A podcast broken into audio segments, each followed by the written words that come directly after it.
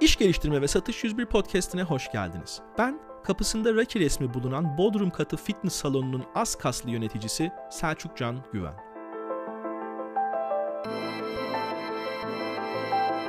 Bu bölümde genç şirketlerin nakit akış mekaniklerini tartışıyoruz.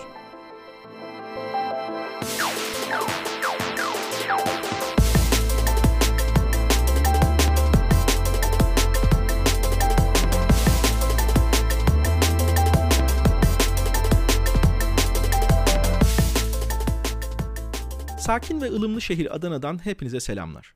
Bu haftaki konumuz aslında çok kritik. Şirketin ölçeğinden bağımsız olarak bir varoluş problemi. Daha önce nakit akışı ile ilgili iki bölüm kaydettim geçen sezon. Onları dinlemeniz çok verimli olur buraya gelmeden önce. Konumuz da zaten yine nakit akışı ve nakitin nasıl, nereye aktığı. Umarım cebimize doğru akıyordur. Şimdi temel kavramlarla başlayalım. Podcast'i zaten düzenli takip ediyorsanız bu kavramlara çok hakimsiniz ama aramıza yeni katılan izleyicilerimiz için bir güncelleme olur. Ciro, şirketin yaptığı satışların toplamı. Kestiğiniz faturalar. Aylık ciro mesela o ay boyunca kestiğiniz faturaların tamamı. Tutarlarını alt alta koyun, yazın, toplayın. Bu kadar. Karlılık ise ürününüzü veya hizmetinizi sunmak için yaptığınız masrafların o toplam fatura miktarından düşmesi. Masa satıyorsunuz diyelim. Marangoza 100 TL'ye yaptırdınız, müşterinize 150 TL'ye sattınız. 50 TL karınız var. Karlılıktan bahsederken dikkat etmemiz gereken nokta şu. Biz alış fiyatı ile satış fiyatı arasındaki farktan bahsediyoruz ama şirketinizi yönetirken karlılığa baktığınızda bundan çok daha fazla parametreyi göz önünde bulundurmanız lazım. Çünkü 100 TL'ye marangozdan aldığınız masayı 150 TL'ye sattığınızda cebinizde 50 TL kalmıyor. Hatta 50 TL olarak girmiyor bile o. Vergiler, işletme maliyetleri gibi unsurlar karlılığınızı azaltıyor. Şöyle düşünün masayı marangozdan deponuza getirmek için arabanızla gittiniz ya da nakliye kullandınız. Akaryakıt ücreti veya nakliye ücreti bindi. Deponuzun kirası var. Depo görevlinizin maaşı ve sigortası var. Satmak için web sitesi kurulumuna para verdiniz. Online mağaza açtınız. Buraya belki aylık ücret veriyorsunuz. Gibi. O karı tüketecek pek çok unsur var. Yani karlılığı düşünürken 100'e aldım, 150'ye sattım, o zaman 50 kar ettim dersek pek çok genç girişimin kaybolduğu karanlık dehlizlerde kendimizi bulabiliriz. İşin kötüsü kaybolduğumuzu anlamama olasılığımız yüksek.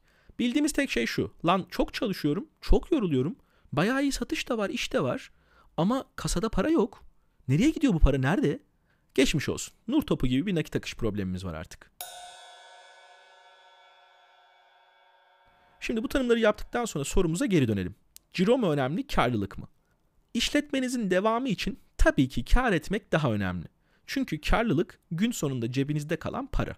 Ama bu soruyu hangi senaryoda sorduğunuzda yanıtı biraz değiştirebiliyor. Örneğin yatırım arıyorsanız ya da yatırım almış bir şirketseniz sizin için ciro önemli. Çünkü ciro büyümenin en doğrusal göstergesi.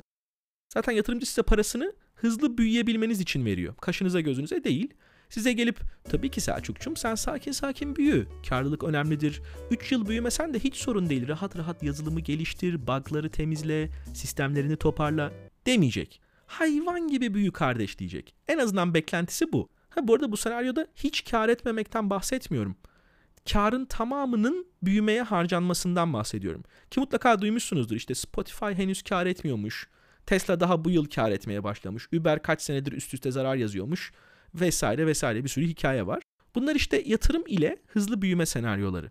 Artık bu senaryoda sizin için zaman farklı işliyor ve nakit akışı farklı koşullarda değerlendiriliyor.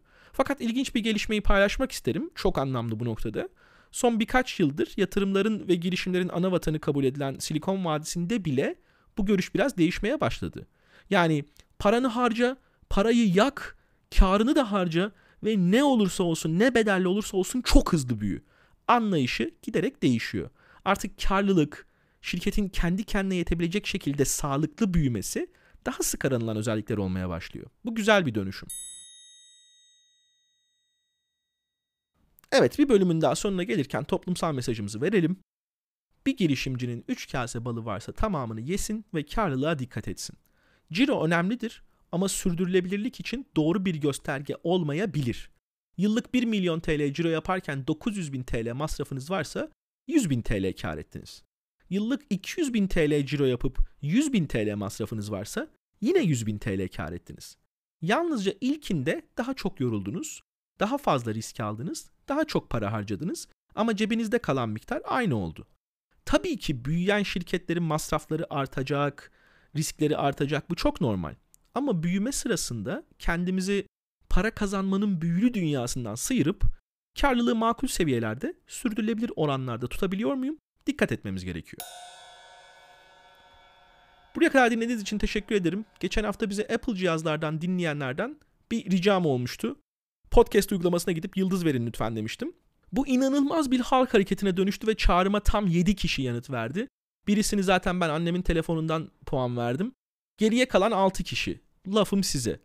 Arkadaşlar beni bulun. E-mailim selçukcangüven.gmail.com Size biri ısmarlayacağım ya da sorularınız varsa yardımcı olacağım. Çok ciddiyim. Bana ulaşın. selçukcangüven.gmail.com Bitişik Türkçe karakter yok.